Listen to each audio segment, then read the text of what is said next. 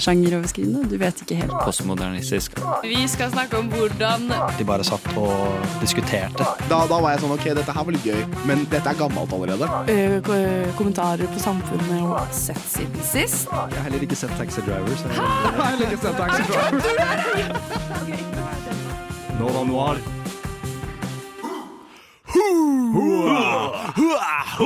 Velkommen tilbake til Nova Noir. Det er ikke torsdag klokka ti.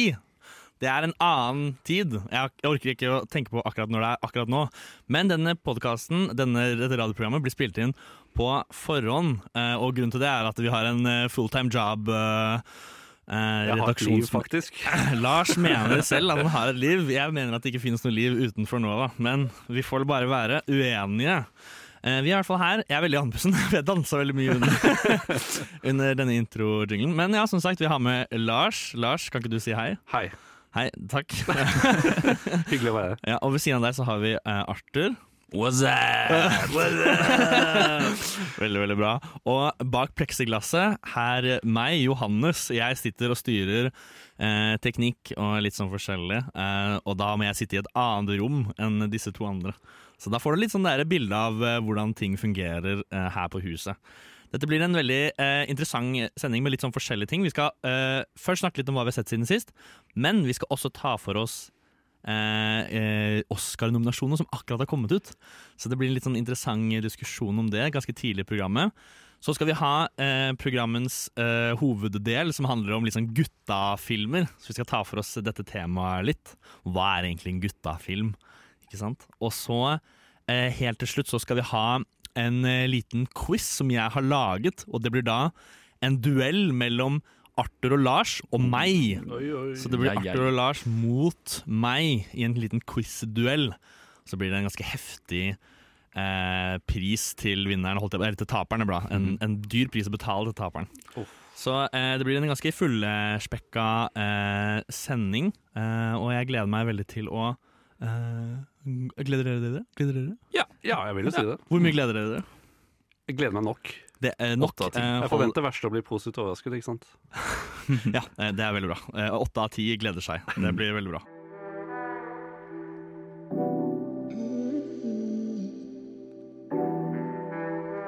Nova. Nova. Nova. Har du fucka med noen filmer i det siste? Har du fucka med noen film det sist?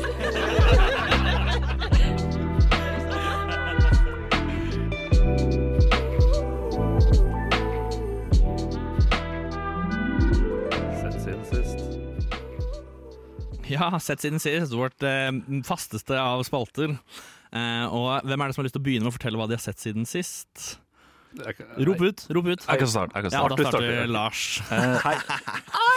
Er dette et demokrati? Eh, Dette er ikke et demokratiet. Um, Jeg styrer spakene. Ja, nei, Det er jo lenge siden jeg har vært på sending. Altså, jeg har jo sett utrolig mye film, men det er ganske mye ræl også. Jeg vil bare si at jeg likte ikke Saltburn. Den var trash. Ja, enig. Jeg Jeg ga- ferdig. Jeg ga den to og en halv stjerne på Letterboxd. Men det er ikke den filmen jeg har lyst til å nevne som merkverdig i Sett sin sist ikke her. Um, I starten av desember så, så jeg den finske filmen eh, 'Høstgule blader' Å, fantastisk film! av han der, var det Auki Karismaki Karismaki, Ja, eller jeg skal ikke Aki? prøve å uttale hva han heter. Nei, men eh, det er en helt fantastisk film. Uh, veldig sær og liksom veldig finsk. Det er liksom hvis du tenker sånn der finske som sitter i sauna og sier 'vittu satana' hele tiden og pisker seg selv med sånne der eh, grener eller et eller annet, det vet ikke jeg, men eh, det er bare sånn Det er en sjarmerende De har ikke noen følelser. Det er en kjærlighetshistorie uten følelser og eh, det er bare sånn Alt er så jævla sånn emosjonelt forstoppet og rart, men det er sjarmerende på sin måte. Det er, det er en film som er vanskelig å forklare, syns det jeg. Jeg synes det er veldig riktig det du sier, at den er skikkelig skikkelig finsk. Og så er det sånn, Hvis du ikke vet hva skikkelig finsk betyr, så er det egentlig bare å se filmen, og så skjønner du det på en måte underveis. Ja. Du, du, du ser filmen, og så er det sånn Dette, jeg vet ikke hva finsk er, men dette er det, er det her. Dette er finsk. Ja. Jeg jeg så den også på kino, og jeg så den med en ganske hyggelig gammel dame Så jeg bare satt meg ved siden av. Så jeg hadde en kjempefin samtale om det. Og det, han har jo vært laget filmer i sånn 50 år eller noe. Og jeg vil, jeg vil også gi et lite eh, bonuspoeng til filmen, for at den er bare knappe litt over 90 minutter lang. Mhm. I denne alderen hvor filmer er 2,5 og 3,5 uh, timer lang, så er det ekstremt deilig å se bare sånn 90 minutter. Du trenger ikke så mye mer enn det for å fortelle en god historie. altså. Absolutt ikke. Arthur, hva er det du har sett siden sist? Jeg var på Cinemateket og så Grizzly Man. Hvis dere har hørt om den? Yikes. Eh, Jeg har hørt om den, og det er han der tyske Werner Herzog. Ja. Den, eh, ja, den imponerte. Det var fullsatt uh, cinematek, eh, og så satt jeg der alene og så den. Jeg tror det er første Herzog-filmen jeg har sett. Og jeg eh, så den på mandag, tror jeg. Og jeg har tenkt på den egentlig hele tida, fordi den, den er så interessant. Det er en sånn dokumentar. da Ja, for jeg synes, er det en dokumentar? For det var Ja. det som jeg fikk litt inntrykk av det. Ja, så det handler jo om han Jeg husker ikke hva han heter. Men han eh, var og liksom tok vare på bjørner, eller sovde sammen med bjørner i 13 somre og sånn. Og så tok han med seg et kamera ut dit, og driver og filma de og liksom er alene i naturen, som Bear Grills, basically. Og så Eller Into the Wild, liksom. Han har jo litt erfaring, men ikke så mye.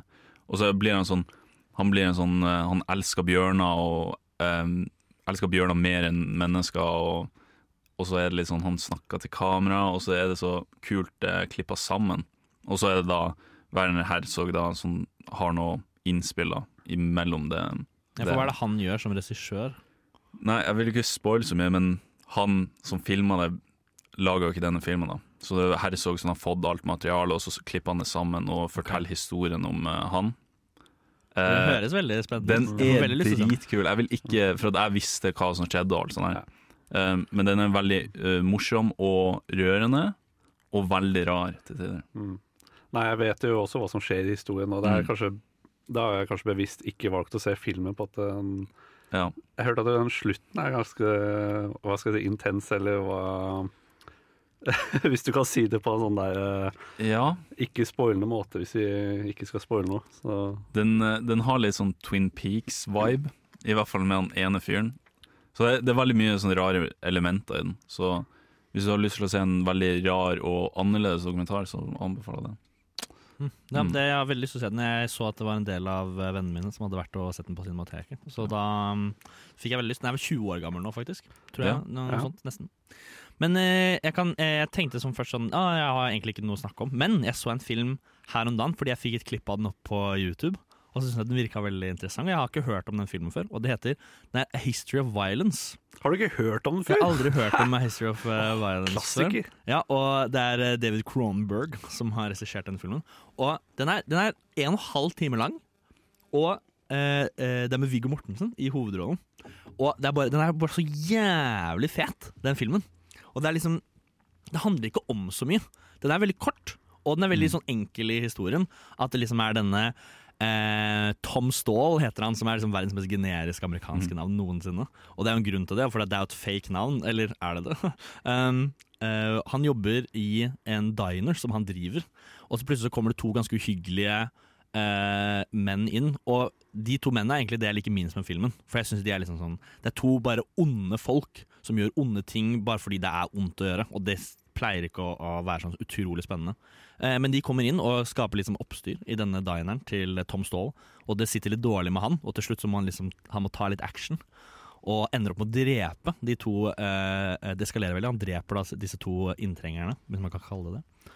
Eh, og da blir det plutselig veldig nasjonalt kjent at Tom Ståhl har nå stoppet to, eh, to kriminelle og drept dem. Og dette eh, plukkes opp av noen gangster fra Philadelphia som mener at de kjenner han, men han benekter dette overfor de og familien og politiet.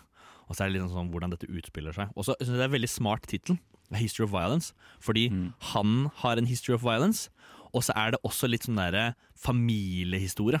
Altså sånn Sønnen ender opp med å ha ganske godt sånn anlegg for vold. Uh, og det syns jeg er litt interessant. At det liksom Det går sånn generasjonelt også. Så det er en ganske eh, smart tittel. Det er ganske gøy også på at eh, David Cronberg er veldig kjent for å ha sånn horror- eller body horror-filmer. Men han mm. har en ganske god rekke med uh, ikke-horrorfilmer også, som Men det er litt mer action, da. Sånn Eastern Promises også er også Viggo Mortensen. Og Viggo Mortensen er også en gjengang i Cronberg sin film. Ja, Det er en, god, det er en bra fyr å ha som gjenganger, ass. Ja, fy faen. Spiller jævlig bra. Nei, men Den syns jeg var overraskende bra, og det var, sånn, det var så perfekt å bare kunne være sånn Jeg har lyst til å se en film nå, og så er den 1 time og 35 minutter eller noe. Mm. Superenkel historie. Trenger ikke å være sånn der, en saga, trenger ikke å tease en ny film, oppfølger etterpå. Superenkel film, kjempe, kjempebra. Jeg anbefaler den til alle som ikke syns at blod er ekkelt. Det konkluderer vårt sett siden sist. Og eh, rett etter en musikalsk pause skal vi snakke litt om eh, Oscar-utdelingen, eller nominasjonene, mer spesifikt.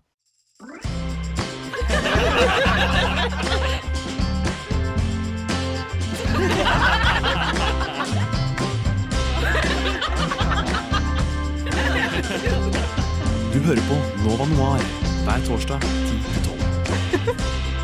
Hver torsdag 10 til 12.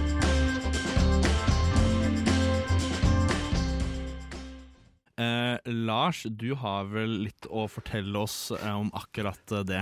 Ja, liksom var det at eh, en og en halv time til to timer eh, tidligere i dag så kom jo nominasjonene til eh, Oscarene ut. Eh, som forventet etter shortlistene kommer, så ble det jo ikke noen norsk nominasjon i det hele tatt. Det er egentlig forventet. Det var etter min mening litt svakt norskt år, men jeg tenkte at vi kanskje kunne Stikk av med en nominasjon, i hvert fall. Stikk, eh, ja, nei, men jeg tenkte at vi kan gå videre og prate om de hoved, ho, hoved, hovedprisene. Eh, ja, det hadde vært fint med en norsk Nok om Oscar, norsk men- film. Ja, nok om norsk film. Eh, det blir jo bare andre verdenskrig uansett, så vi vet hva vi får. Eh, men jeg tenkte at vi kan starte med Best Picture. Eh, Best Picture ble, For noen år siden så utvidet de jo mengden med nominasjoner den kategorien fikk. Eh, Jeg husker ikke helt grunnlaget, men så det er jo ganske mange filmer vi kan gå gjennom her. Eh, En film som vi ser som er en gjenganger gjennom hele listen, som jeg ikke har hørt om i det hele tatt, som jeg tror ikke har vært på norske kino ennå, er American Fiction. Eh, Den er nominert til Best Picture blant annet. Eh, Etterfulgt av Anatomy of a Fall. Den jeg veldig lyst til å se. Barbie, The Holdovers, Killers of the Flower Moon, eh, Maestro, Oppenheimer, Past Lives, Poor Things og The Son of Interest. Um, Det er jo veldig predictable. det er, eh, ja, Uh, jeg kan bare si med en gang at jeg syns dette er kanskje en av de mest kjedelige Oscar-årene vi har hatt i det hele tatt. Uh, på at det er gjengang etter gjengang, ikke noen som kommer fra sidelinjen og overrasker deg. Um, igjen, da. Beste Best Directing er Justine Triet med of Fall, Scorsese, Nolan, Jørgus Lantimos og Jonathan Glazer, som gjorde 'Song of Interest. Eh, leading role, uh, Bradley Cooper, Maestro. Uh, også, her er det spennende. Coleman, Coleman Domingo, som har hovedrolle i Rustin, det er kanskje det største wildcardet som finnes på denne listen her. Jeg tror det er Paul Giamatti, uh, Holdovers, uh, Killian Murphy, Oppenheimer og Jeffrey Wright i American Fiction. Best Actress in a Leading Role Å ja, her har vi en til, faktisk. Annette Benning i Nyad, som jeg aldri har hørt om. Har dere hørt om Nyad? Nyad? Nyad? Eh, Lily Gladstone, uh, Sandra Hooley, uh, Carrie Mulgan og Emma Stone Portings. Og det er jo uh, Killers of Flower and Anat- Anatomy of Fall Master Portings. Liksom, jeg gidder nesten ikke å ramse opp hvilke filmer disse her tilhører. på det, det, det, det er de samme som går igjen. Ja, jeg synes En ting som er litt interessant, Det er på en måte den uh, Anatomy of a Fall-filmen. Har ganske mange gjengangere på ganske bra Det- eh, nominasjoner. Den har virkelig slått an. Og det som er spennende, er at den, den er jo utenlandsk film også, er den ikke det? Den er Jo, tysk. den er uh, fransk. Er fransk. den vel. Oi, uff da. Uh, men det er tyske skuespillere i den. Hun Ja. som er nominert, altså Huller, hun Så- er jo tysk. Vi har jo kanskje på en måte en ny sånn Parasite-situasjon igjen, da, med tanke på at den er nominert til både Best Picture, Directing, den har um, Actress uh, og sånt, uh, blant annet. Ja, og altså sånn, Selv om kanskje ikke Poor Things kan kalles en utenlandsk film, men det er jo eh, veldig få Det er mye amerikanere i den, men Ja. eh, regissøren er jo ikke amerikaner i det hele tatt. Nei, den er ganske Eh, spennende. Og så er det eh, Zone of Interest, som Mm. eh, Nei, Zone of Interest er kanskje Er, er den engelsk? Uh, Jonathan Glacier er, kan Han er jo britisk, er han ikke det? ja. Ja, OK, det er britisk, da. Men det er det samme Men Og så vel Past tysk? Lives. um, Jonathan jeg- Han er født i London. Ja, den Eh, Zone of Interest er vel tysk? Øh, det, skal, det er vel satt i Tyskland, og Ja. sikkert tyske skuespillere. Jo, jeg tror den teller som Den, den teller som ikke-engelskspråklig film, i hvert fall. Ja. Det er i hvert fall ja. Og så er det også Past Lives. Det telles jo som ikke-engelskspråklig, for det er mye koreansk. Nå, nå skal jeg bare ta en sånn eh, side, gå til siden her. På at det var En ting jeg fant ut i dag, var at eh, den ble ikke nominert, da, men Japan, eh, Japan eh, sin, Oscar, sitt Oscar-bidrag, sin film Ja, er for- Perfect Days. Ja, gjett hvem det var regissert av? Wim Wenders. Wim Wenders. Ja. Jeg bare, Wim Wenders Mm. regisserer en japansk film som er, blir deres Oscar-bidrag. Det er litt sånn interessant eh, Men det er bare japanske produsere, da. Og Ja, bare japansk cast. Men ja, det er jo. faktisk Det er et screenplay eh, i samarbeid med en japaner, men det Mm. er også eh, Wim Wenders som har lagd screenplay. Jeg syns det er utrolig kult at man kan uh, gjøre så store hopp, da. Ja, absolutt. Eh, men igjen, da, som jeg sa, alle de filmene vi har nevnt, er liksom gå gjennom på screenplay, og, så har vi jo ja, ikke sant. Uh, vi har 'Society of the Snow' i International Feature Film, bland, sammen med 'Son of Interest' da, og 'Perfect Days'. Vent litt, 'Perfect Days' var ble nominert. Da sa jeg feil i stad. Det, det, det går litt fort i svingene her, eh, merker jeg. Men jeg tenkte at jeg vil, jeg vil gjerne Jeg pratet med Var det vel eh, Arte eller um, Johannes jeg pratet med i stad? Men eh, vi hadde jo Skal vi se Hvis jeg ikke husker feil, så ble jo ah, Skal vi se Supporting role. Eh, Ryan Gosling ble nominert som uh, Best Supporting Role i Barbie. Det er vel Og- en uh, giver. det er, sånn, det, det er to ting jeg liker med dette. her. Det første at jeg syns det er en fantastisk rolle og utrolig bra gjennomført. Og jeg tror det kunne vært mye kjedelig hvis vi hadde hatt en dårlig skuespill på det. Mm. Men for det andre så er det egentlig at jeg vil Hvis det er er filmsjanger som er mindre representert enn horrorfilm når det kommer til Oscar-nominasjonene, Oscar så er det komediefilmer. Mhm. Mm. Og det at en komediefilm kan liksom Det var jo en dramafilm, men det var jo hovedsakelig komedie, vil jeg si. da. Uh, at den kan få så mange nominasjoner, blant annet eh, supporting role, uh, syns jeg er veldig, veldig sterkt. Og veldig, veldig fint at uh, den sjangeren eh, får sin plass i solen eh, når den har levd i skyggen så lenge. Derimot da, så har jo Best Actors in Supporting Role har vi jo Amer America Ferrara, som også var, bar var med i Barbie. Den var kanskje litt svak eh, nominasjon. Ja, det er jeg veldig, veldig enig i. Ja. I forhold. Så ja. Nei, eh, men når, når du har sett Poor Things, Barbie, Oppenheimer, Killers of the Flower Moon og Anatomy of Fall, Meister og American Fiction, så har du egentlig sett alle de Oscar-nominerte, eller de, de mest eh, prestisjetunge kategoriene. Ja, Mhm. faktisk. Så det, er ja. noen, det er vel ikke noe overraskelse om hvem som kommer til å vinne de fleste Hvis vi bare ser på Golden Globe, så ser vi at liksom Oppenheimer vinner mer eller mindre alt. Mm. Ja.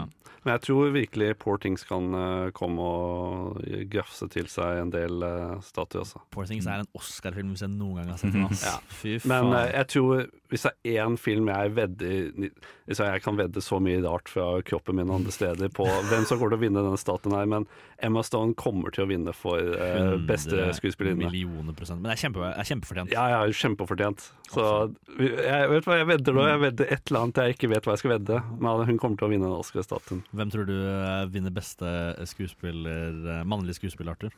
Mannlige eh, Hvem var nummer to? Følg med. Eh, Bradley Cooper, eh, Coleman Domingo, Paul Giamatti, Killian Murphy og Jeffrey Wright. Ja, men, vet du hva, jeg vil si Killian Murphy, men jeg tror Oppenheimer og Barbie kommer til å tape nesten alt. Oi, tror du det? Ja, jeg Det- tror det er kveldens Wow. tapere. Det er Ja, ikke- jeg ikke at jeg har sett den filmen, på at den har jo ak eller skal komme på norske filmer nå, uh, kinoer. Uh, men uh, Paul Giamatti i filmen The Holders har jo mandag. virkelig eh, liksom kommet Var det, Var det Golden Globes? Nei. Jo, den vant. Den eh, vant- Han, han vant beste et eller annet Ja, på Golden Globes. Jeg tror han kan, han kan eh, snike seg gjennom der og sånt, men eh, jeg har en, også en finger på Killian Murphy, altså. Jeg har et eh, Jeg håper jo Det litt er det. hans år, altså. Det er Liksom, hans år. Jeg føler Hvis vi hadde Brendan Frazier sist gang, da så har vi jo Killian Murphy nå. Han har fortjent den Oscaren etter alle de tingene han Ja, gjort det har vært et heavy år for Killian Murphy. Han har virkelig jobba ræva av seg. Og han Så- hater jo PR-kampanjer som bare det. Ja, så og han har gjort mange av dem, så det er Ja. absolutt fortjent. Nei, Vi skal uh, ta en sløyfe på denne Oscar-seksjonen av sendingen, og så skal vi snakke litt om uh, dagens hovedtema, guttefilmer. Hallo gutta, skal vi stikke hjem til meg og drikke brus med sukker og se på American Psycho? Patrick Bateman i American Psycho er faktisk forbildet mitt. Bli med hjem til meg, og jeg har radio på full guffe og prime med lime. Bli med hjem til meg og se på Nova Noir.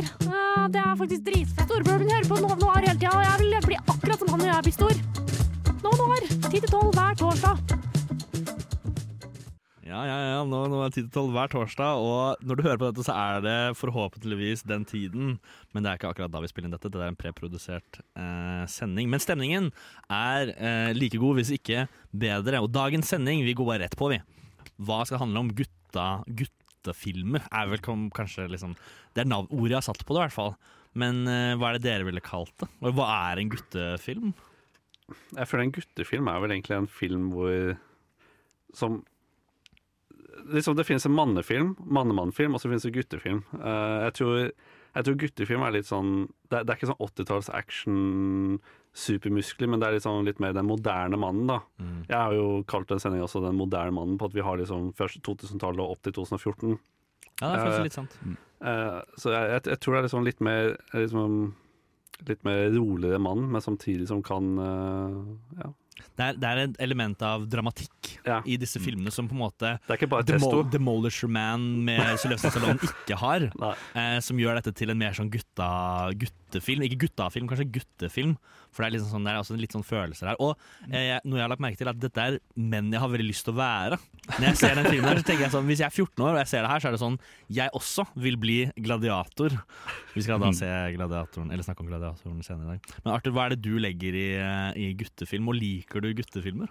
Det er, jo, det er jo testo, det er jo vold, det er action, det er Altså alle de vi skal snakke om er jo også veldig sånn følsomme. De er veldig sånn in their feelings Veldig. av og til. Eh, men, Spirituell eh, connection. Litt Ja. sånne ting, faktisk. men hvis du først skal være liksom litt eh, følelsesfull, så må du også ta det ut i vold etterpå, føler jeg. I hvert fall i disse filmene. Ja. Men, eh, men eh, jeg er ganske glad i action, eller altså guttefilmer, da blir det jo action.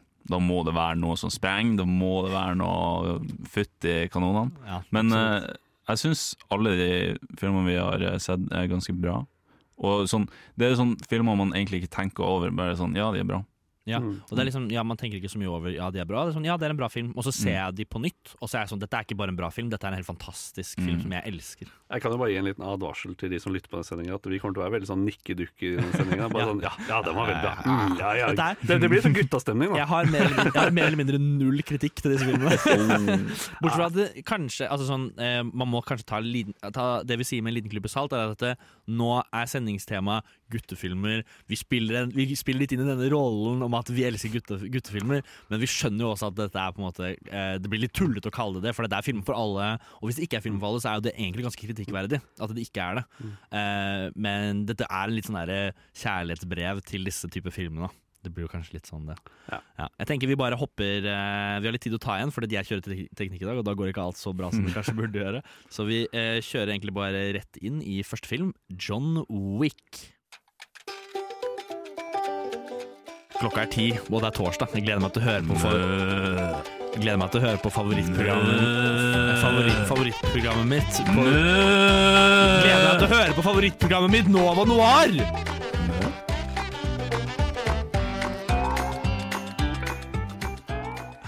Ja, det er favorittprogrammet ditt. Nå, slutt å le. favorittprogrammet ditt Nova Noir. Vi skal inn i en veldig seriøs eh, tematikk nå, Arthur. Så Mm, ja. ikke, noe, ikke, noe, eh, ikke noe brauting eh, nå. Ikke noe tull og tøys. Vi skal nemlig snakke om John Wick, og du kan kanskje bare sette stemninga. Fortelle oss litt om filmen. Få oss inn, Ja. i, eh, inn i historien. John Wick, en ex-hitman, Uh, lever lykkelig alle sine dager, og så dør kona av kreft. Buhu. Eh, og så Så noen dager går, han er jævlig deprimert, så går det noen dager, og så får han seg en hund eh, av kona. da. Og så drar han og kjører eh, sin veldig fine bil, og så vil noen, en russer, han vil kjøpe bilen, og så nekter han. Så det russeren gjør da, det er å bryte seg inn i John Wick sin, eh, sitt hus, ta bilen, drepe bikkja og banke driten ut av han.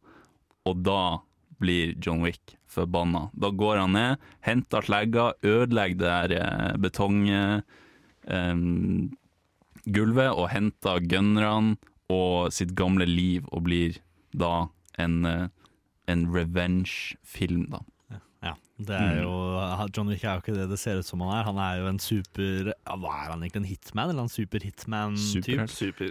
Superhelt, ja. Det er noe, han har noen krefter som ikke vanlige mennesker har. Det er 100 ja. sikkert. Men ja, vi begynner liksom eh, der, da. Og så er det hans eh, vi får, Det er gøy at vi, Jeg liker egentlig sånne filmer hvor vi ikke helt vet hvem hovedkarakteren er, også gjennom eh, eh, gjennom spekulering og sånn fortelling av andre karakterer, så får vi liksom et sånt større bilde av hvem han er. Mm. Og det er veldig gøy når, du si, når han, eh, russeren går til faren sin, som er Mm. leder av et sånt gigantisk crime syndicate, og så sier han at han fikk denne bilen, og så Nei, det, det er først når han er i en sånn garasje, så skal han prøve å selge bilen. Mm. Og så sier han sånn Would you find this car? Og så sier han Nei, I took it off som uh, et eller annet, bla, bla, bla. Og så bare sånn Holy fuck, get that fucking car out of here. Get that fucking car out of here. Så du, liksom, du vet at disse vet hvem John Wick er. Mm. Den bruker veldig sånn klassiske film for historiebyggende elementer, da, med at eh, du, du forteller ikke hvor stor en person er ved å vise handlingen hans, men at det andre folk sier hvor stor han er. Sånn, han bruker ganske, eller Det tar jo litt tid hvor folk sier 'Å, det er John Wick', oi, oi, oi, wow, wow, wow, før du får se hvor jævla god han er. Mm. Ja. Så det er liksom De bygger han så utrolig mye opp, og det er jo det som er den store styrken i filmen, er liksom historiebyggingen. Um, filmen i seg selv er jo egentlig øh, ekstremt overfortalt. Ja, det er ikke sånn egentlig veldig mye som skjer, og, men, og de, de spiller litt på at han har mye historie, i Mm. gåsetegn, for vi vet jo egentlig ikke hva som har skjedd. Nei, det er jo som jeg sa til i pausen, Johannes, at den er jo Den spiller litt på sånn the traditional male fantasy. At du trenger, du trenger bare en unnskyldning til å gå på sånn rampage. Sånn, eh, Blåse ned sånn, alle dine veier. historien og grunnlaget for eh, handlingen er ikke så viktig, det, er- handlingen som teller. Og Eh, ja, det er det som skjer som teller. Og det er mye skyting, ass. det er mye. Og det, den, dette var også film som gjorde trend igjen med det man kaller gun fu, Ja, eh, som er litt omdiskutert hvor kult det egentlig er. Ja, det er mye triksing og fiksing med pistolen. Mm. Uh, og jeg syns jo det er ganske kult. Og i denne filmen her, han, uh, Keanu Reeves, som spiller hovedrollen, han spiller jo en veldig uh, Han har gjort veldig mye jobb for å liksom komme inn i rollen, og han er jo ganske kompetent med våpen. Han skyter mye på fritida. Han driver mye sånn, han har gjort mye sånn drills for å liksom komme i form, med gåstegn igjen, da, til denne filmen. Og hvis du teller skudd i denne filmen, hvis du teller skudd på pistolen, så matcher det pistoltypen. eh, pistolserien, eller sånn, sånn, hvilken type pistol det er, hvor mange skudd det er, når han må reloade, når han er tom for skudd. Alt sammen matcher.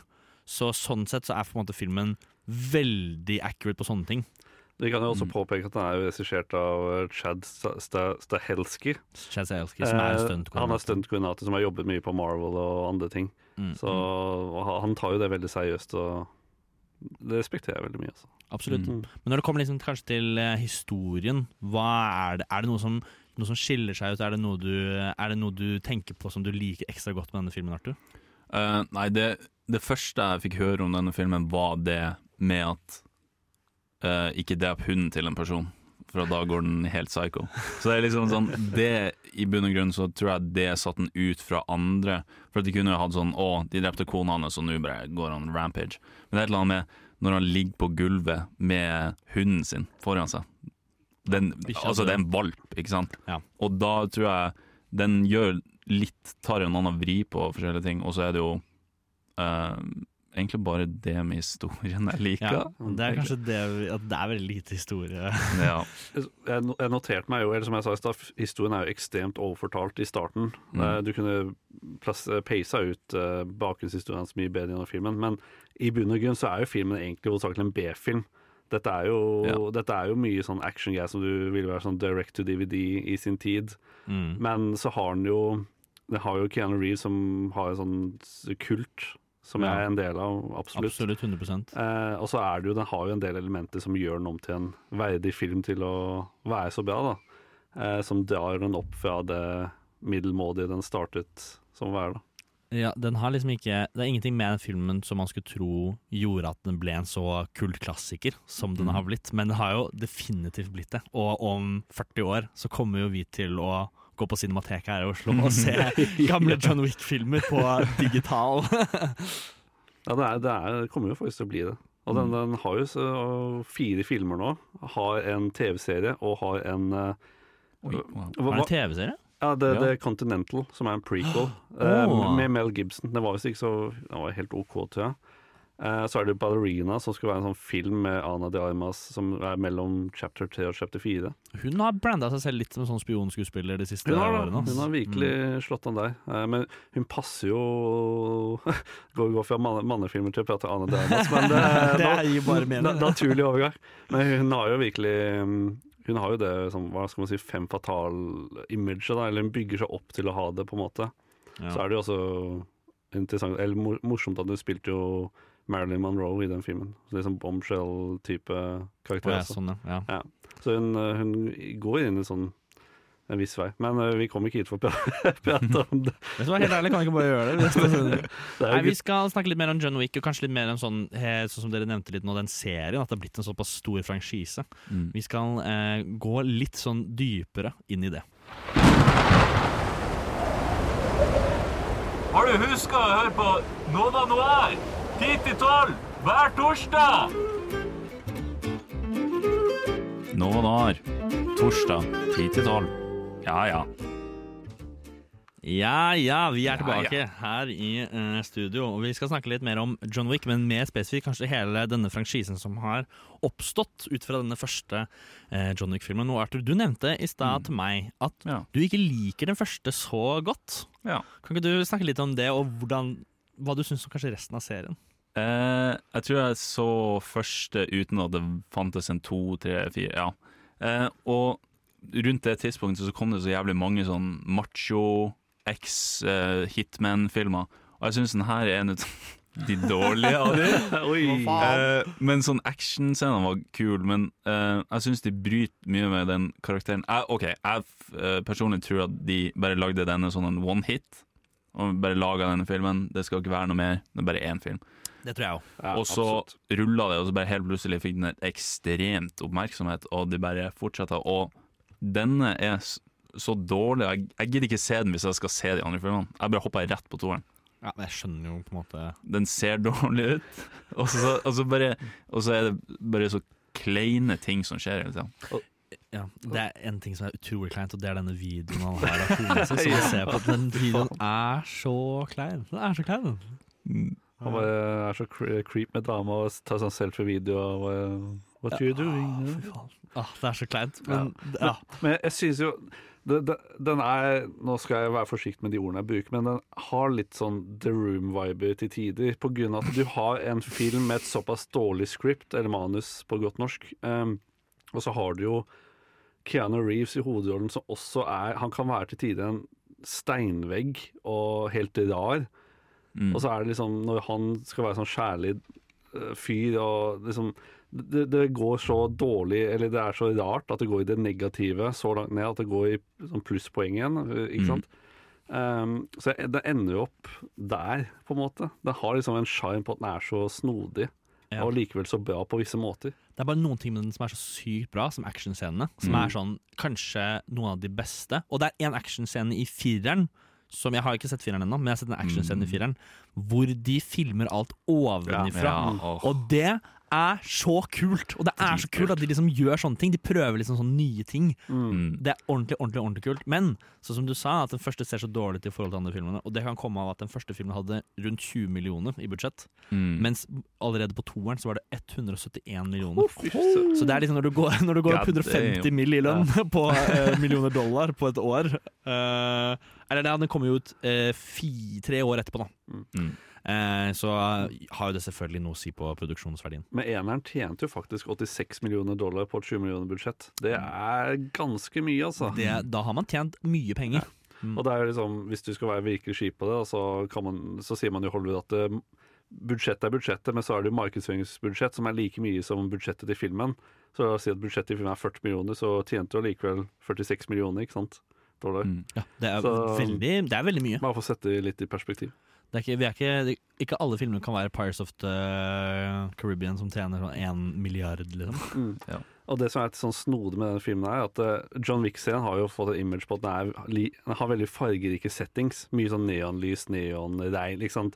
Den Mm. type stil.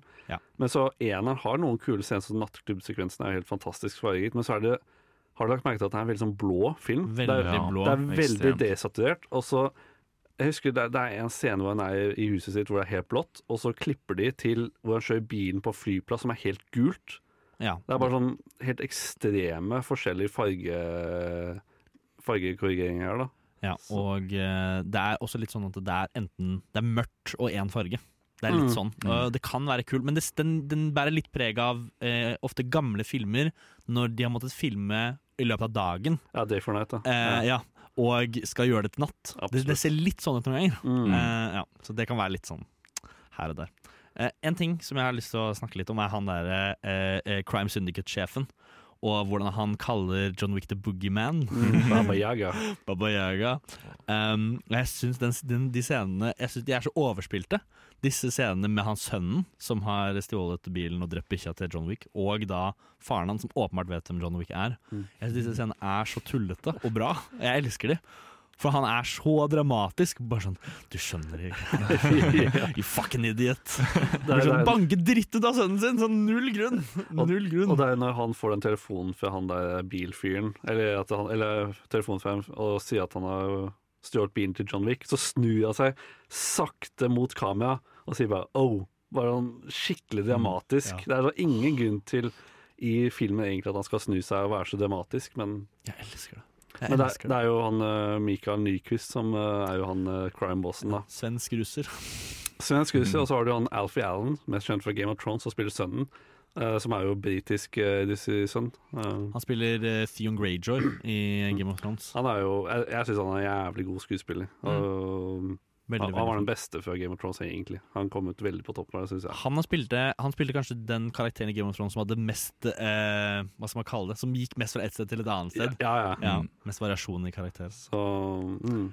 Nei, men eh, jeg er veldig eh, jeg, jeg er veldig glad i John Wick, selv om vi på en måte poengterer ut veldig mye som ikke er så utrolig bra med filmen. Men det er litt sånn med mye barnefilmer man ser, da. Som er liksom sånn den, Du så det på et veldig sånn en tid i livet hvor du var veldig sånn Det her, det digger jeg bare. Jeg aksepterer det 100% Det er jo litt som et barn. Da, at liksom, du, du, barna blir aldri perfekte, men du elsker de allikevel. ja. Ja. eh, Eller som katter, som ja. du, Lars, Nei, katter er perfekte. Første barn er aldri bra. Så andre barn er tredje barn. Ja, hvilke, hvilke er du? Eh, Jeg er tredje barn. Ja, det, det beste. Nei, vi eh, sier oss eh, eh, fiks ferdig med John Wick, og vi åpner eh, døra for Mad Max Fury Road. Jeg gleder meg så sykt til å komme fram til hytta. Ja, det blir sykt gøy, ass. Ja, det er rett der oppe, faktisk. Jeg ser det nå. Wow. Skal dere virkelig opp dit? Du vet at radioen funka ikke der oppe.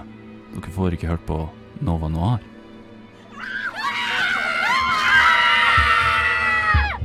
Du hører på Nova Noir.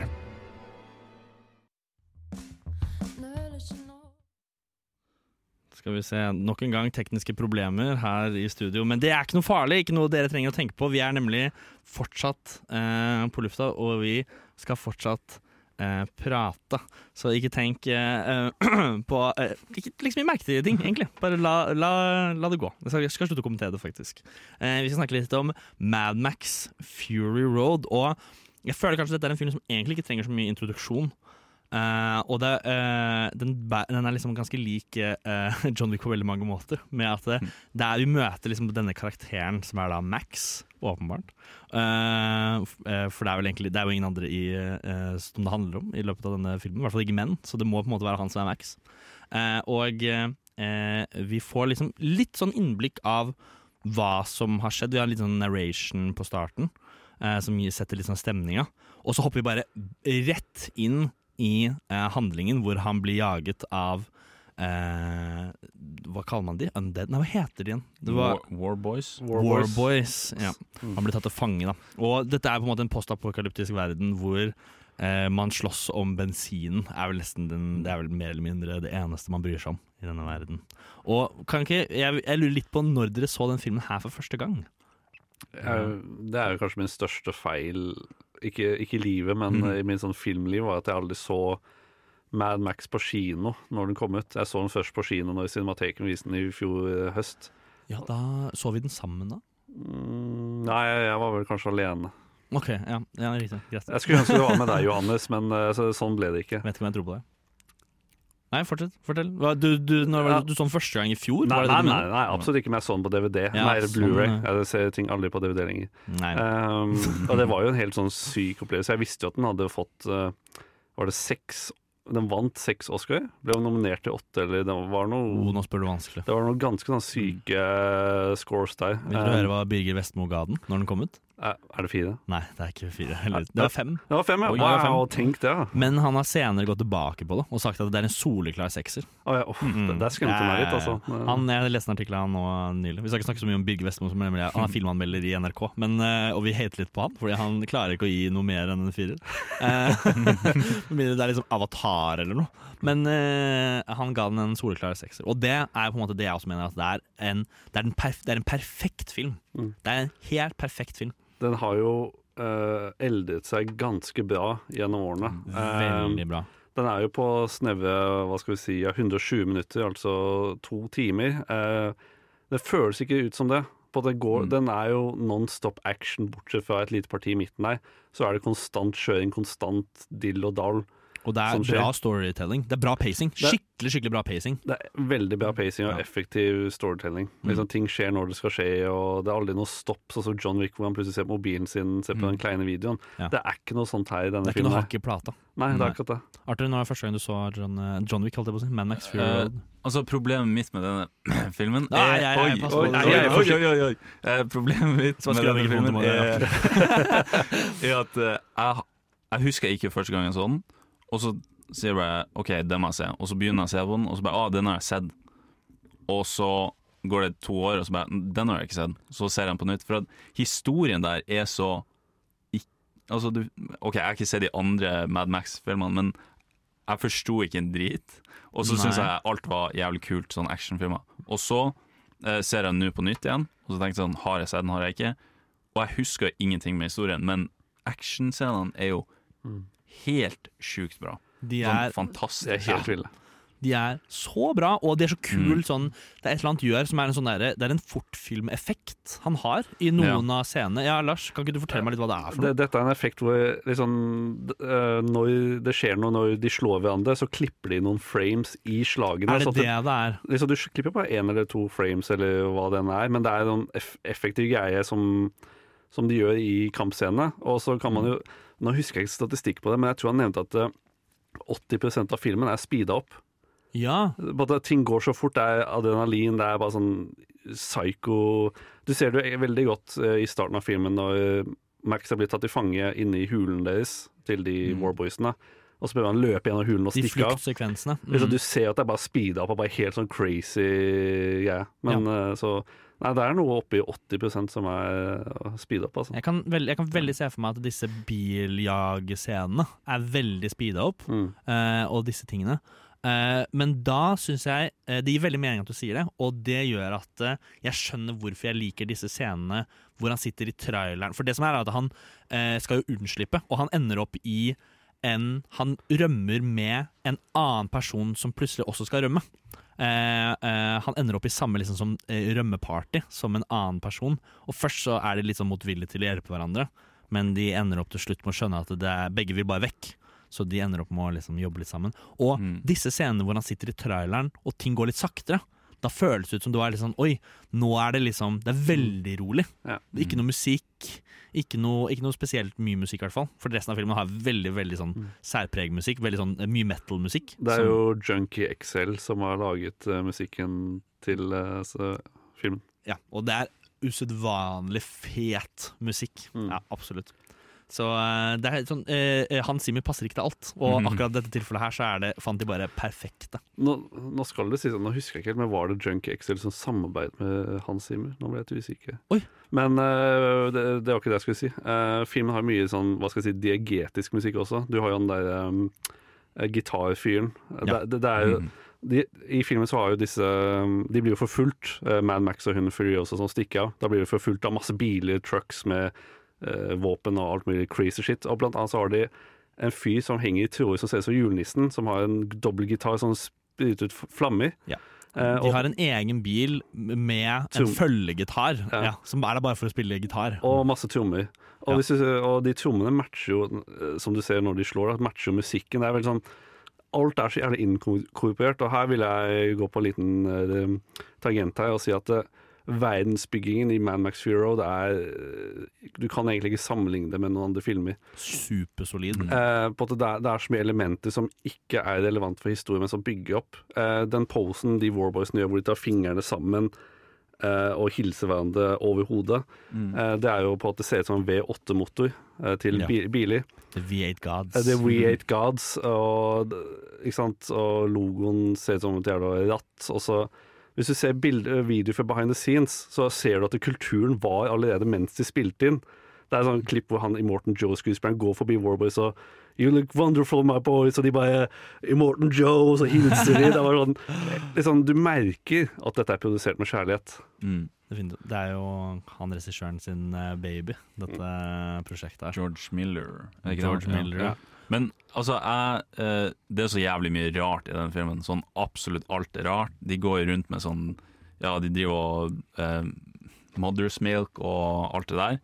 Og jeg tror av denne filmen gjorde det så jævlig bra, så har andre filmer sånn sånn jeg begynte Jeg nettopp sett Rebel Moon, og den er dritrar, ikke sant? Fy faen, okay. for en drittfilm! Ja, Dritdårlig bare film! sånn Denne Mad Max er dritrar, men den gjør såpass mye bra med action og har liksom sin egen identitet i det. Og andre filmskapere har kanskje sett, og det er sikkert derfor det kommer så mange sånn storfilmer som er dritrar, sånn som Jupiter Ascending, eh, eh, også Rebel Moon og alt det der. De bare satser høyt på sånne rare ting. Kanskje blir Mad Max Fury Road 2, men det ender jo opp til å bli liksom Bare dritt. dritt. Søppel. Søppel. Ja, absolutt. Nei, Vi skal eh, snakke mer om søppel. Nei, det skal vi ikke. Vi skal snakke mer om Mad Max uh, Fury Road. Uh, kanskje litt mer sånn uh, våre mest favorittting, den uh, filmen. Eh, vi skal bare ha en liten, eh, eller ganske lang faktisk, musikalsk pause. Men for dere som hører på podkast, så blir den relativt kort. Hei du der, lille gutten. Vil du være med meg hjem og kose med katten min? Hvem faen er du gammel? Har du hjerneskade, eller? Vi, kan, vi kan se på film. Nei, jeg gidder ikke det, altså. Ja, jeg har eh, cola med sukker i. Ja, jeg får hull i tenna. Ja, jeg har Prime Energy Drink med lime. Nei, den røde er det beste. Uh, vi kan høre på Nova Noir. Åh, ok da. Nova Noir 10 til 12 hver, Hver torsdag.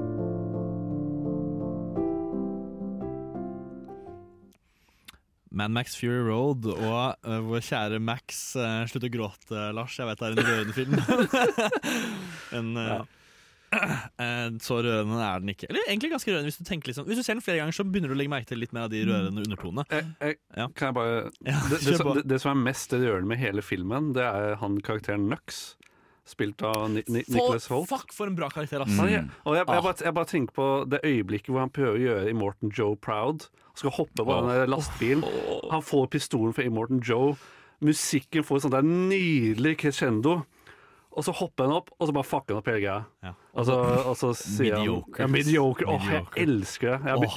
Liksom, etter at jeg så film, så begynte jeg bare å si mediocre til alt. Mediocre. Og, og, det, og han- hvordan han liksom turner og prøver å gjøre noe riktig. Han prøver Ja. å gjøre opp for seg. Mm. Åh, det er så fantastisk. Så, så filmen har faktisk å rørende momenter, s- selv om det er en sånn testobombe med nonstop action. Egentlig. Mm. Eh, men det jeg skulle si Dette, eh, kan, Denne sendinga kan hete Digresjoner. Digresjoner 101. Eh, eh, er at Max spilles jo av Tom Hardy.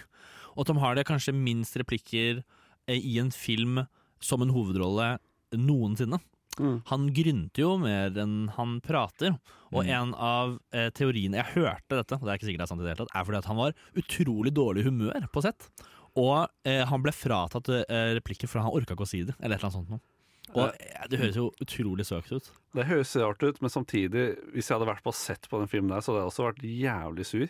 Liksom, de, de var jo i ørkenen i Sør-Afrika, eller i Afrika et eller annet sted, i altfor lang tid, og det bare gikk sånn liksom, jeg, jeg tror at det der er en ny sånn apokalypse nå-situasjon, eh, Heart of Darkness, uh, kommer til å liksom og Det hørtes helt jævlig ut med sånne hetebølger og sandstormer og Ja, Det er veldig mye praktiske effekter som de spilte inn på Mye location. flammer. Mye flammer. Mm. Mesteparten av CG-en er jo så klart touch-ups, men også uh, landskaps-CG. Eh, så klart det er jo Mm. vanlig front-facing CG også, men eh, Frontfacing CG. ja, jeg, jeg, hva er det for noe?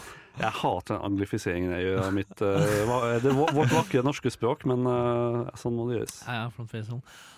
Full, full, full frontal. Full fro eh, frontal CGI. Eh, en ting jeg liker veldig godt med denne filmen, er alle bilene. Jeg synes bilene er utrolig kule. Det er liksom sånn her, mye sånn uh, virker som det er mye kjærlighet til biler i denne filmen. Og det kommer jo mye av uh, Australia. Han er fra Australia. Han holdt på å si Mel Gibson. Hva heter George? Miller. George Miller. George Miller, tusen takk. Han er fra Australia. Og eh, det er jo der de første Mad Max-filmene er satt. Mm. I Australia, er det ikke? Jo. Er det noen av dere som har sett de første Mad Max-filmene? Nei, jeg har faktisk ikke har lyst, da. Men det er også med Mel Gibson, så du tok jo ikke helt feil. Jeg kan, gi en, jeg kan gi en liten fun fact om den første eh, Mad Max-filmen. Mm. Den er filma, Alle bilscenene, og det er ganske mange av dem, er filma på samme eh, strekning. Ja, så De bare kjører fram og tilbake. Åh, det høres helt jævlig ut. Eh, ja, absolutt lavproduksjon. Og så De stepper opp eh, litt sånn som John Wick stepper opp produksjonen veldig i de Mm. eh, nyeste filmene. Men eh, eh, Arthur, kan ikke du si litt om hva, sånn, eh, hva du sitter igjen med etter å ha sett denne filmen? Hva, hva er det som du virkelig likte best med denne filmen? Eh, det jeg likte aller best, det er når etter den sandstormen, eh, så ligger jo da han Mad Max Er det Max? Max. Maximir, ja. Han ligger i eh, sanda, og så går han da til Warrigan. Og så, uten å si så mye, men det er liksom han og så Furiosa, og så har de den fighten. Den fighten der er helt sjukt bra! Det er Den er en av sånn topp ti fights noensinne, tror jeg, på film. Jeg bare, Det er bare et eller annet med sånn Du vet begge to er egentlig på samme lag, altså de skal jo egentlig samme Og så snakker de ikke, og så Det er bare et eller annet med den fighten, og han eh, Og hva han heter Bloodbag. Han som sier Bloodbag. Ja. Ja. Han, eh, ja. Og det er et eller annet med den fighten der, sånn, det er da jeg virkelig sånn blir gript inn i historien. Nå bare sånn Det er kanskje den eneste eh, greia med historien jeg kanskje liker, da. Mm. Men det, det er det beste med den filmen, tror jeg. Enig, det er en kjempebra slåssscene. Jeg syns Mm. også Det er en veldig bra slåssscene, men jeg syns også Det er veldig mye usagt i filmen. er kanskje det jeg vil frem til At det er veldig mye sånn De sier veldig lite, men du får med deg hva som skjer allikevel. Og en av de kuleste scenene er når eh, eh, eh, de blir jakta på av Er det Bullet A Bullet Farmer. Bullet Farmer. Mm, ja. og for det, det, er liksom, det er liksom de tre hovedstedene, og det er liksom vanntårnet. Og så er det Bullet Farm og Gas eh, Hva heter det? De kalles noe annet. Ja, gas, um, Åh, eh, ja, et eller annet Gas Factory. Gastown. Gastown er det, Ja, og ja. Bullet Farm. Uh, og denne personen fra Bullet Farm går helt banan og så skyter vilt rundt, mm -hmm. rundt seg. Og så uh, ser du liksom bare eh, eh, Max bare sånn 'jeg tar det', og så går han sånn inn i hvor det er helt mørkt. Du hører plutselig ingenting. Gigantisk eksplosjon! og så kommer han bare sånn drassende tilbake. Jeg bare sånn det er, jeg, jeg, åh, jeg elsker sånne, sånne mm. sekvenser i filmer. Jeg synes det er så fett.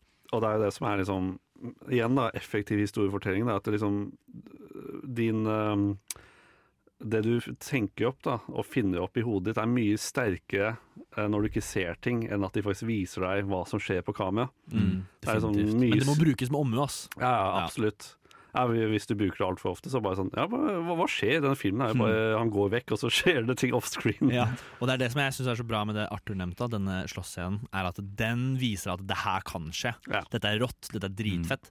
Og så kan vi også da bruke det som referansepunkt til å skjønne hva som har skjedd. De tingene vi ikke får lov til å se. da Mm. Så jeg synes det er veldig fett. Nei, det er en, eh, de er jo på vei til et sted hvor eh, En oase, kan man kanskje si, i ørkenen, hvor på en måte det vakre liv skal finnes fortsatt. Men så ender de kanskje opp med litt skuffende resultater.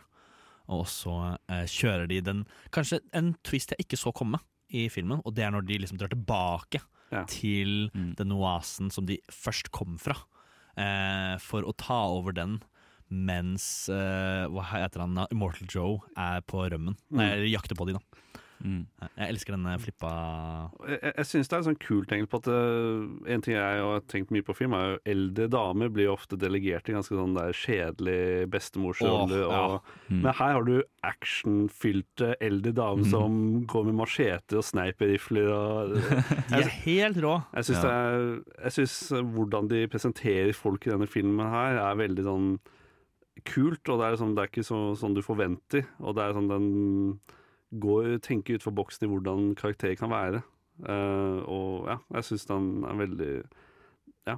Jo mer vi snakker om det, så jo mer skjønner jeg liksom sånn hvor viktig karakterene har vært i denne filmen. Men alle karakterene er supersolide. Men, men som jeg sa i stad, den filmen her har jo bare vokser jo bare over tid. Liksom den ja, igjen da, sånn som dere nevnte i stad, at uh, ja, jeg glemmer jo hva historien er, men liksom pl- actionsekvensen i seg sjæl, og så oi faen, det var det skjedde, det skjedde, Mm. oi, de karakterene der, de er jo dritkule. Det er sånn, det er noe nytt hver gang, da. Mm, ja. Og, det er, og igjen, da, det er ikke en altfor lang film, og den føles mye kortere ut også. At nei, jeg tror du skal lete lenge før du finner en film som er uh, pacet uh, like bra som Mad Max Fury Mm. Road, altså. Det føles litt sånn hastverk helt til slutten. da. For jeg føler at når, når de er på de syklene og skal kjøre bort, så tenker jeg sånn OK, nå stopper vi, og nummer to kommer. Men så blir det bare hastverk. Ja, ja jeg, kan, jeg kan være litt enig i at det kanskje virker litt hastverk, men jeg føler det er en veldig god konklusjon, egentlig. Mm. Og jeg føler det var liksom sånn De endte opp der de alltid burde vært. Ja. Altså sånn, De endte opp med liksom det riktige svaret. Det riktige svaret er ikke alltid å rømme, men noen ganger så er det på en måte å vende tilbake til der man egentlig kom fra. Mm. Mm. Ja. Syns det er en sånn fin avslutning. Vi må eh, runde av eh, Mad Max, og så skal vi til dagens høydepunkt, nemlig eh, Gladiator. Hva er den kjekkeste Mats Mikkelsen? Et glass til Mats Mikkelsen. si. Eldre, deprimerte, alkoholiserte Mats Mikkelsen er min favoritt. Og der er han teknisk sett også pappa. Casino Royal Mats Mikkelsen med arr på øyet. Casino. Royal Mats Mikkelsen er deilig, ass. Peller seg litt i såret og sånn. Deilig. Mm, all in. Mm. Men har han navle? Noe nå er Torsdag 10 til 12. Ja, ja, ja, tilbake til eh, dagens tema, gladiatoren. Gladiator, som på en måte eh, inspirerte eh, sendingstematikken i dag. For dette er jo på en måte den ultimate gutta gutte-filmen. Vi er enig på denne. Eh, og eh, for en film. Ridley Scott Mhm. på sitt aller beste. Helt, helt, helt fantastisk. Vi har Russell Crowe i eh, eh, Hva heter han? Maxi, Maximus-rollen. Maximus Decimus Meridius. Maximus Decimus Meridius, som han selvfølgelig heter når man har et tullenavn fra eh, Rom. eh, som er lederen av Marcus Aurelius sine romerske hærer. Og etter siste vunnede vunne slag så eh, pensjonerer han seg, på en måte, i gåsteinen. Og så sier Marcus Aurelius at jeg har en oppgave til til deg, og det er å bli den nye keiseren av Rom. For å så føre eh, helt fram til senatet er vi eh, sterke nok til å kunne styre for seg selv. Og dette sitter veldig veldig dårlig med sønnen til eh, Marcus Aurelius når han får høre disse nyhetene. Og han velger å ta livet av faren sin for å umiddelbart bli keiser. Eh, så, eh, Marcus, nei, så Maximus ikke kan bli det. Eh, og uh, det, han er jo en veldig utspekulert Altså Alle uh, menn som velger å drepe faren sin, Mm. er jo på en måte utspekulerte på et eller annet vis. Og han her er jo rett og slett ganske ond, selv om han er en veldig plaget person. Og jeg vil jo også si at selv om Marcus Aurelius nevner det selv, han må ha vært en helt forferdelig far. Å ende opp med en sønn som dreper deg, det skal faen meg mye til, ass. Ja, det er liksom der vi tar opp historien, at eh, Maximus blir da eh, eh, fordømt til et slag... Nei, han, blir, han skal bli dømt til døden. Mm. Eh, men han har fuckings ninja-skills, ass! Og bare banker dritten ut av de som skal drepe han, og rømmer eh, for å eh, eh, redde familien sin, som eh, da er under angrep fra de romerske krigerne igjen. Altså de blir eh, hva skal man kalle det, erklært eh, De skal drepes, er vel det. Ja. De blir sendt, det blir sendt romerske eh, krigere dit for å drepe eh, eh, barna, eh, eller det barnet, og kona hans. Og han, han rir da for å prøve å nå dem i tide, og det gjør han da ikke. Og her ser man liksom Jeg liker denne sekvensen hvor han rir til eh, eh, barnet og kona si, til hjemmet sitt i, i Spania. Eh, jeg liker det veldig godt, for det er en sånn herre Han ser en sånn alternativ Han får sånn spirituelt innblikk i hva som skjer. Han får sånn kall, et sånn spirituelt kall som liksom bare sånn skyter litt liv i han igjen. Og det er åpenbart at det på en måte Hvis man hadde vært litt religiøs, så hadde man definitivt lest inn i at det, eh, han er på han får, ikke, han får bistand av noe mer enn helligere kraft, da. Mm. Men eh, eh, um, denne filmen, hva er det vi er det noe, Har dere noen umiddelbare tanker om denne filmen som dere har lyst til å dele? Noe dere liker? Noe Ja, dere det Altså, eh, jeg har sett den her Tror det andre gangen jeg har sett den i en helhet. Men jeg har alltid sett den på TV, og da har jeg kun sett gladiatorflossekampene sånn der liksom lenge inn. Eh, så, men det tar jo en og en halv Nei, litt over en time før liksom Han blir gladiator. Ja. Ja. Det er veldig mye opp, altså oppbygging, men det er jo det som gjør den bra òg, da. Det skal jo liksom- sies at filmen er jo to og en halv time også. Mm. Det er, det er en lang film. Det er jo det man kan klassifisere som epic, egentlig. Jeg tror jeg så extended version denne gangen. To timer og 50 minutter var den. Oi, Finnes det extended edition? Tydeligvis. ja, Fordi den den er to timer og 50 minutter. Den, var den uh, bra? Den var kjempebra. Og jeg, det er litt sjelden jeg ser en film på tre timer og tenker sånn Den, den kunne vært lenger. den var helt fantastisk. Uh, men ja, han blir jo da Han blir jo slave. Han blir plukket opp som slave. Mm. Eh, og markert som des, deserter. Hva kaller man det? Desertør. ja. At han da har forlatt krig, eh, krigen. Det er det man tror, da. Er, er menn. Eh, og så begynner han å kjempe som gladiator. Det viser seg at han er jævla god som Ja. gladiator. Men han er jo utrolig brutal i ringen, fordi han syns dette er helt forferdelig ting, det han driver med. Og han viser på en måte Han kjem- kjemper med en sånn krigsbrutalitet som på en måte disse tilskuerne i rom, romske, romerske provinser ikke er vant til. Mm. Eh, og han henretter jo på en måte disse han ender opp i ringen med. da. Og det er der den legendariske eh, linja 'Are you not entertained? Ja. Is this not what you're here for?' Eh, og at, åh, når jeg hører det første det er en kraftig lev levering, det, altså. Ja, det er, det er helt Etter å ha liksom sånn brutalt halshugget noen, liksom, og så være sånn 'Are you not entertained?' Og det er liksom Du bare snakker til brutaliteten. Det er jo sånn sånn uh, slavedriveren han som faktisk eier Maximus, han sier jo hva er det, Win the crowd, win the er Win your freedom. Ja, win your freedom. På at det, Mm. det er jo Alt handler om å bli kjent og bli en stor, eh, stor i ringen, så Og det skal jo være Det er jo et frempek da til hvordan han håndterer situasjonen senere. Ja. Hvordan han da er en, en slave som sto opp mot kriseren. Han, han, eh, ki, eh, keiseren. Kri, kriseren. Kriseren. Eh, Det er en krisekeiser. Ja, dagen det, var litt sånn, det er litt kul den der eh, eh, replikken som er sånn The day a slave became more powerful than the Ja. emperor. Og det er litt fett. Det er Mm. ganske fett. Og så synes jeg det er litt tydelig at Ridley Scott er litt stoiker. Han er litt sånn fan av det stoiske filosofien.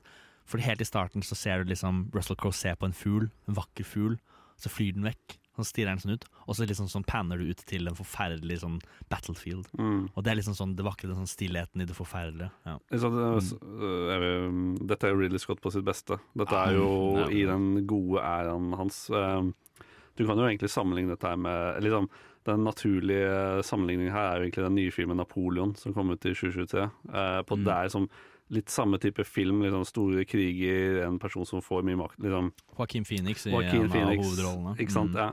Men uh, jeg syns Ridley Scott de siste årene har virkelig Han har blitt for høy på seg sjøl. Uh, eh, La oss ta Napoleon som eksempel. At den har, tar for seg altfor mye historie. Uh, I forhold til liksom, Gladiatoren har jo én singulær historie som den følger kronologisk, og Mm. den bruker tid. Den bruker, liksom, den bruker effektive virkemidler på å formidle følelsene. Mens Napoleon er jo Det er så mye sånn at hopper bare rett til de store høydepunktene. Um, og det, det er jo og du, ser på det gamle Ridley Scott-filmet også. Er liksom, han var en effektiv historieformidler, men han har liksom blitt Han har blitt for høy på seg selv. Det virker egentlig ikke som han får så mye kritikk da, for sin nye, eller liksom motstand når han Ja. produserer nye filmer. At han, han er egentlig mer kritikkverdig enn det han får kritikk for å være. Ja, Ja, det kan jeg for så vidt være litt enig i. Og nå er vi drøye! Wow, wow, wow. Og så er det sånn, men dere er jo egentlig ikke det. Nova Noir. Det er torsdag, klokken er Jeg vet ikke hva klokken er, men det er ikke så farlig. For du hører fortsatt på Nova Noir. Og eh, Gladiator eh, Vi er fortsatt på The Gladiator. Eh, Russell Crowe tar ordet hver sin. Jeg jeg klarer ikke å prate. Russell Crowe. Russell Crowe. Han har er vel kanskje- australsk, han òg. Han er faktisk australsk også, og Gladiator, det er morsomt at du skal si, for Gladiator 2, den nye filmen som kanskje skal komme, så er det vel Chris Hemsworth som er eh, Nei, lik- Er det ikke det? Det er jo han Paul Mescal. Han er jo med i den Oh my eh, god, det ja. gikk for en ire. Ja. Det er det verste jeg har hørt. Ja. Men jeg har ikke så lyst til å prate om den uh, nummer to hele ennå. Det jeg har lyst til å si er, Gladiator den er ja, to og en halv time på det korteste, liksom. Mm. En, e, en episk film av alle typer proporsjoner. Mm.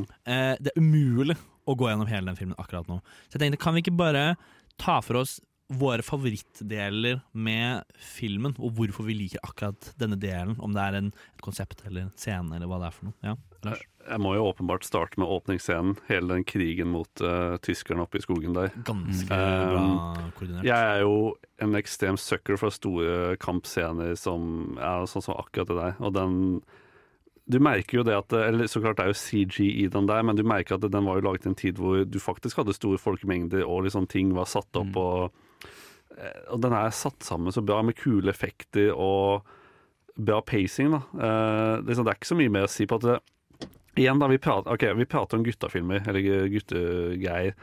Og, jeg, og for min del, da, så blir det, som jeg sa, blir jo bare action, spektakel.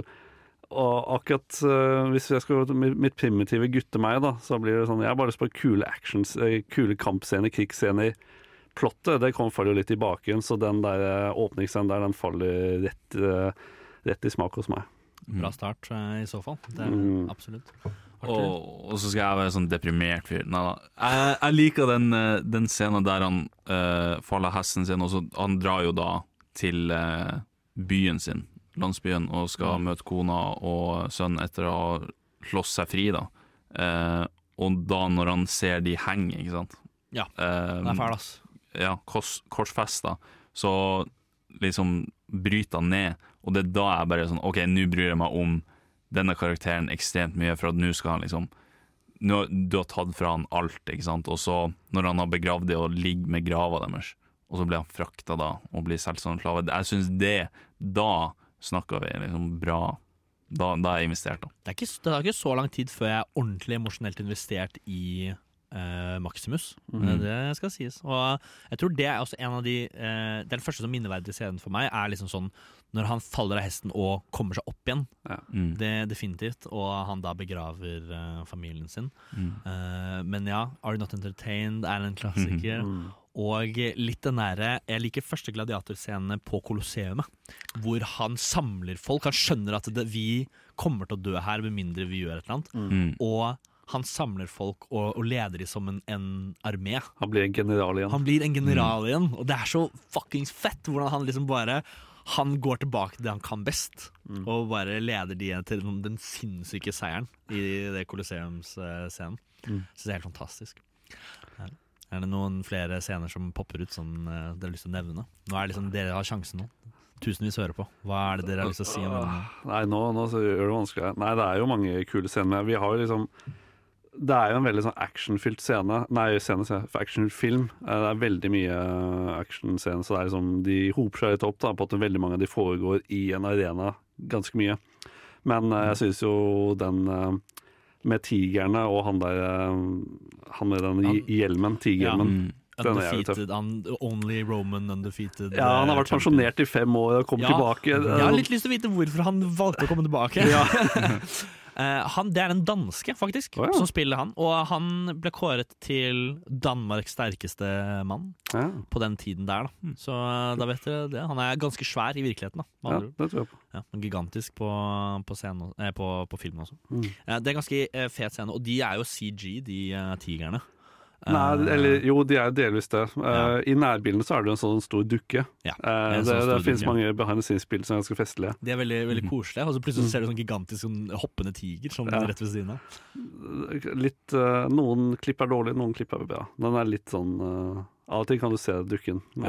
Og det er kult at eh, vi snakker om akkurat de tierne og den scenen der, fordi på slutten der så blir jo han dømt til døden. Han, for han, Maximus vinner denne kampen. Eh, og eh, eh, den blir dømt han blir dømt til døden av Han gjør den der berømte tommelgreia, tommel ned, Mm. for å da eh, eksekute denne henrette, da, denne mannen. Eh, og så velger Maximus å ikke gjøre det. Og da blir han nå arrestert, på en måte. Mm. Prø eh, men eh, han kan ikke Vanligvis da så ville han bli drept Mm. i ringen. Men folk buer keiseren såpass mye at han må, han må ty til å liksom la han fortsette å leve. Og det er liksom der han ble liksom eh, mer Han ble sterkere da enn en keiser. Mm. På at han uh, win the mob, ikke sant. Så vi, Ja, the var det the, the mob? Rome is the mob. And, uh, ja. Ja, det er noe sånt. Så Ganske interessant. veldig kult. Og det er, vi kan jo gi en liten skryt til uh, Joaquin Phoenix som uh, Commodus, da. Som er det mest uh, faen. Det er vel kanskje mer sånn der suttekopperollen jeg noensinne har sett. Sånn, uh, aldri hatt mer sånn punchable face. Jævlig. Han, men han spiller en sånn utrolig overbevisende. Jævlig god. Ja, ja. Liksom- Veldig, veldig, veldig bra. Nei, han er jo en mye skuespiller, så det er ikke rart at han gjør en god jobb her, for å si det sånn. Han er en eh, skuespiller med range, ass. Mm. Han spiller mye forskjellig. Han ser veldig annerledes ut fra år til år og uke til uke. Så eh, Han var jo ganske ung på den tiden også. Han var kanskje sånn sent 20 år. det er 25 år siden. Så det er jo uh, Ja. sent 20 år, da. Ja, sent 20 årene. Det er ikke verst, ass. Absolutt. uh, Det var kanskje hans største, sånn, største gjennombrudd, var det ikke det? Den det vet jeg vet. ikke. Ja, tror han har jo vært i andre ting tidlig, men det var jo sånn big shot-moment, tror jeg. Mm. Ja. Og uh, i denne filmen så vant jo Det vant jo beste film, men Mm. det vant ikke beste regissør. Eller beste screenplay, som er litt interessant. Så Ridley Scott bomma litt der, tydeligvis. Av en eller annen grunn. Litt rart. Men det er, det har nesten aldri skjedd tidligere heller, at beste film ikke vinner enten beste regissør eller beste screenplay. Ja. Så det er faktisk litt sånn historisk eh, øyeblikk. Men det syns jeg er veldig rart, for det er veldig solid eh, screenplay. Mm. Eh, Veldig solid. Nei, det er en, eh, eh, bare en helt fantastisk film. Og jeg bare koste meg så mye når jeg så på den eh, sist. Jeg satt jo og så filmen mens kjæresten min gjorde noe annet eh, på sofaen. Ja, satt på dataen og gjorde, spilte Sims, var det vel hun gjorde. Men hun, sagt sakte, men sikkert så la hun dataen fra seg og begynte å Ja, følge på filmen. Innan. Det er, det er den Så- type film, ass! ja, så, Mm. så det er ikke bare en guttafilm, altså. Det er ganske skryt av det. Nei. Eh, Arthur, noen avsluttende ord før vi går videre? Uh, du tror Kanskje du har sett den, men se den en gang til. Oi, det er faktisk en jævlig bra oppfordring.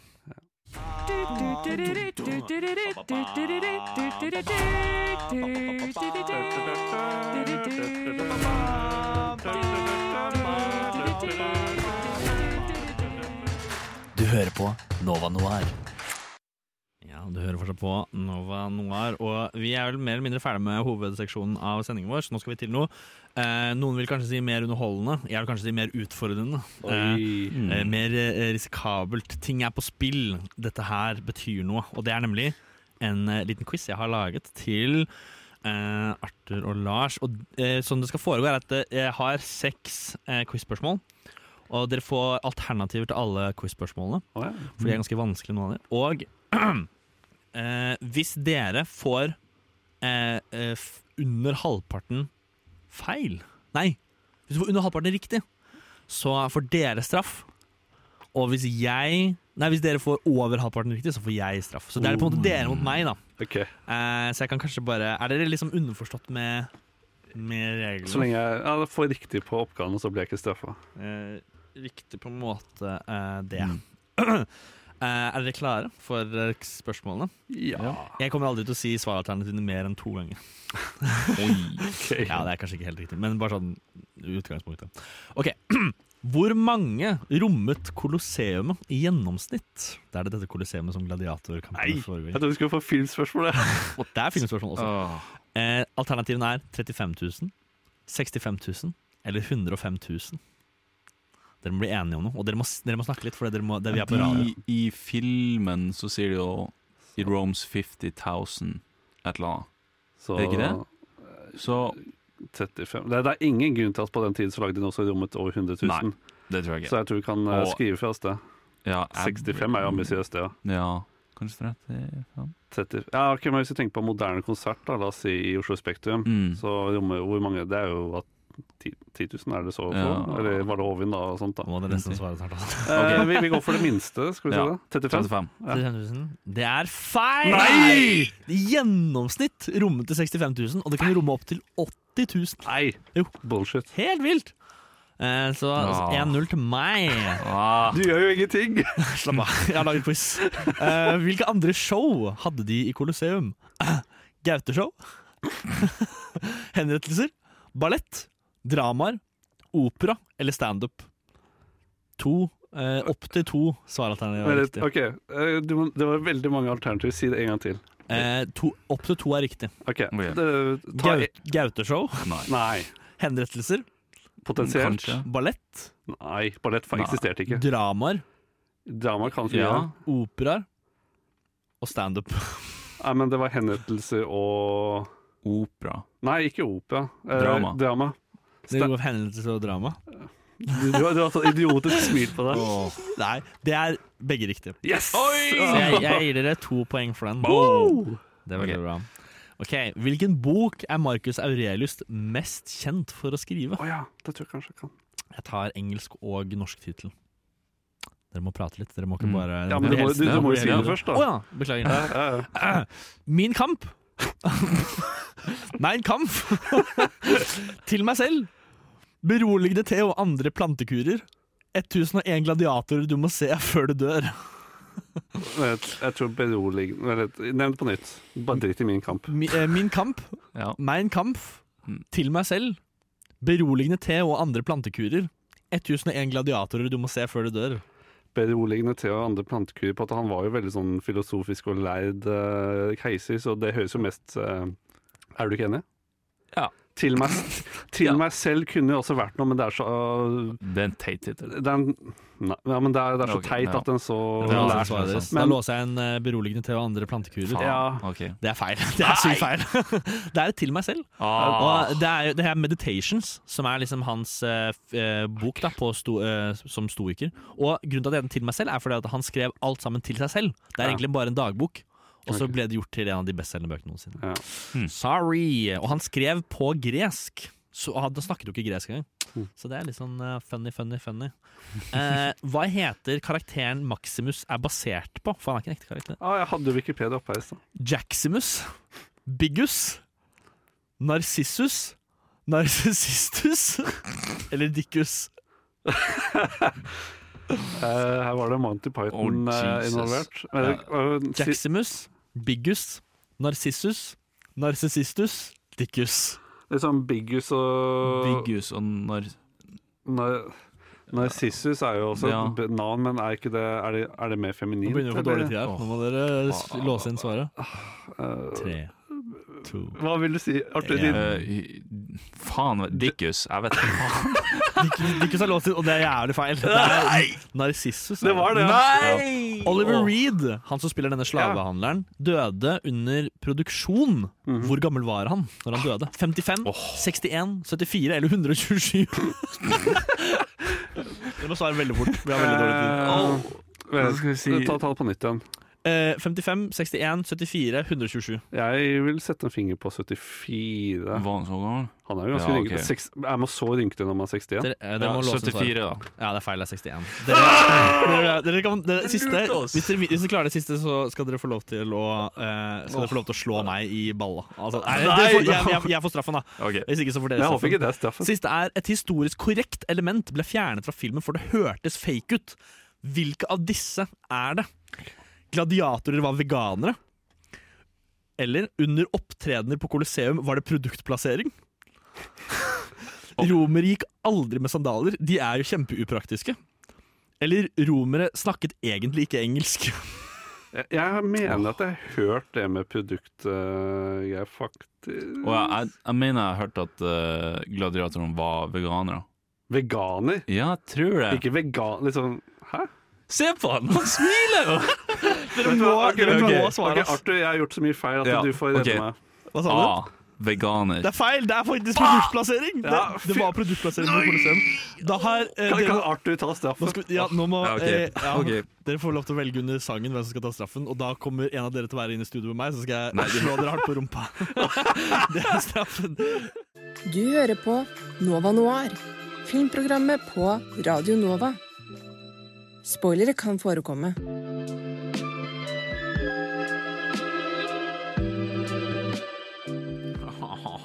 Vi er tilbake. Arthur, kan ikke du prate litt, så jeg vet hvilken mikrofon som er din? Uh, den er min. Riktig. Takk.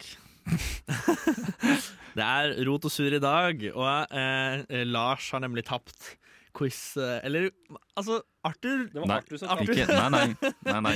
Teknisk sett så var det Arthur som tapte dere uh, uh, quizen, men det er altså du som står her og skal bli straffet. Han tapte kampen, jeg tapte krigen. Ja, riktig. Boom. Det er en utspekulert gjeng vi har med å gjøre her. Kan ikke du bare bøye deg litt over, da, så skal jeg ta og slå deg her? Du må Ah, det, mikrofonen inntil. dette her er veldig sånn der ydmykende.